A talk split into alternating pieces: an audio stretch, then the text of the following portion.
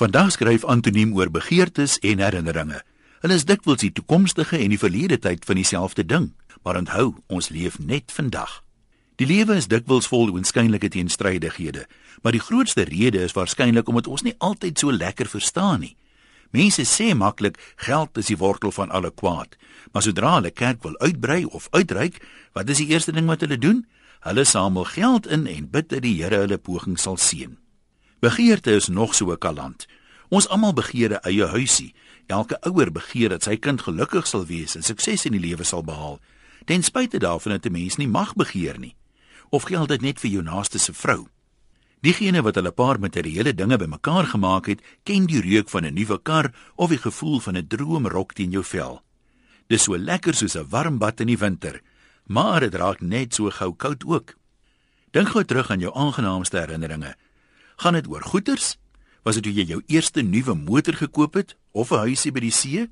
Of was dit eerder iets wat jy gedoen het? Met ander woorde, iets wat jy ondervind het eerder as materiële dinge. My raaiskoot is dat ons ondervindings meer koester en langer onthou. 'n Mens onthou dikwels die detail van goed soos jou eerste 3 of doel, 'n interskoolse oorwinning, of die eerste bok wat jy geskiet het, of die eerste vis wat jy gevang het. En as jy ooit in 'n koshuis was, onthou jy verseker al die katte kwaad saam met jou pelle, al was dit jare en jare terug. Eerste ondervindings rank dikwels die hoogste op ons lys van gunsteling herinneringe. Tog begeer die meeste mense meer geld om meer goed mee te versamel. Sal dit dan nie meer sin maak om meer herinnerings bymekaar te maak nie? Ek kan my altyd verluister aan ouer mense se vertellings. Dit gaan baie selde oor hulle besittings, maar meestal oor hulle ervarings. Hulle sê mos die avontuur begin eers nadat iets skeef geloop het.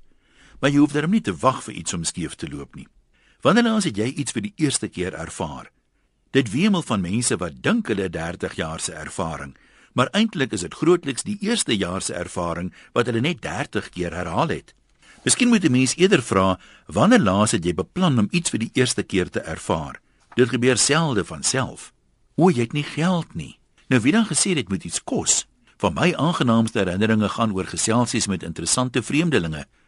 Doen jouself 'n guns en versamel gerus meer herinneringe.